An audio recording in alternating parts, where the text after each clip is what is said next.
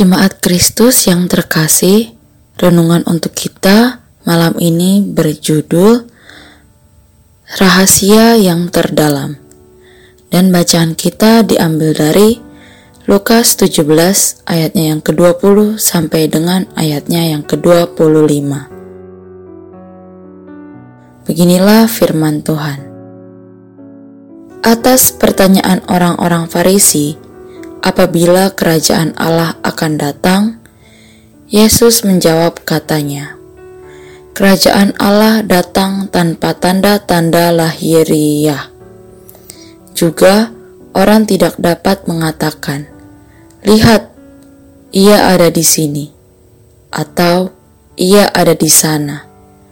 Sebab sesungguhnya kerajaan Allah ada di antara kamu dan ia berkata kepada murid-muridnya, "Akan datang waktunya kamu ingin melihat satu daripada hari-hari Anak Manusia itu, dan kamu tidak akan melihatnya." Dan orang akan berkata kepadamu, "Lihat, ia ada di sana. Lihat, ia ada di sini." Jangan kamu pergi ke situ, jangan kamu ikut Sebab sama seperti kilat memancar dari ujung langit yang satu ke ujung langit yang lain. Demikian pula lah kelak halnya anak manusia pada hari kedatangannya. Tetapi ia harus menanggung banyak penderitaan dahulu dan ditolak oleh angkatan ini. Salah satu yang dinantikan banyak orang beriman adalah tentang hari Tuhan, yang dalam bacaan kita disebut sebagai Kerajaan Allah.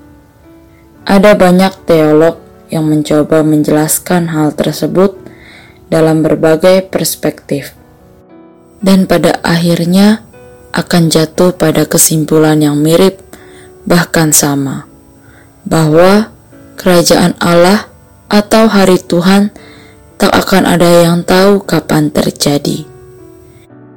Yang menarik, Tuhan mengatakan, "Kerajaan Allah ada di antara kamu." Apa maksud dari hal ini? Kristus ingin menjelaskan bahwa kerajaan Allah bukan hanya berbicara tentang sesuatu yang jauh di sana.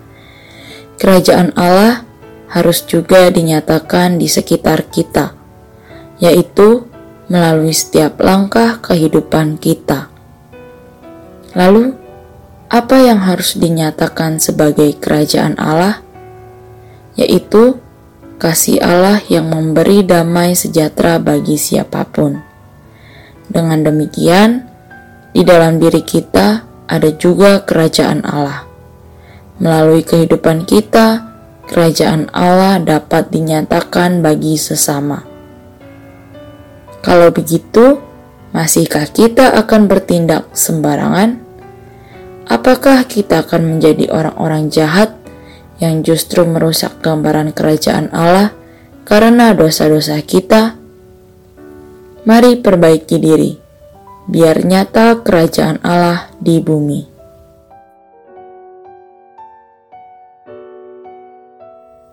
Demikianlah renungan malam ini. Semoga damai sejahtera dari Tuhan Yesus Kristus tetap memenuhi hati dan pikiran kita. Amin. Jemaat yang terkasih, mari kita bersatu hati menaikkan pokok-pokok doa yang ada dalam gerakan doa 21 GKI Sarwa Indah. Mari berdoa.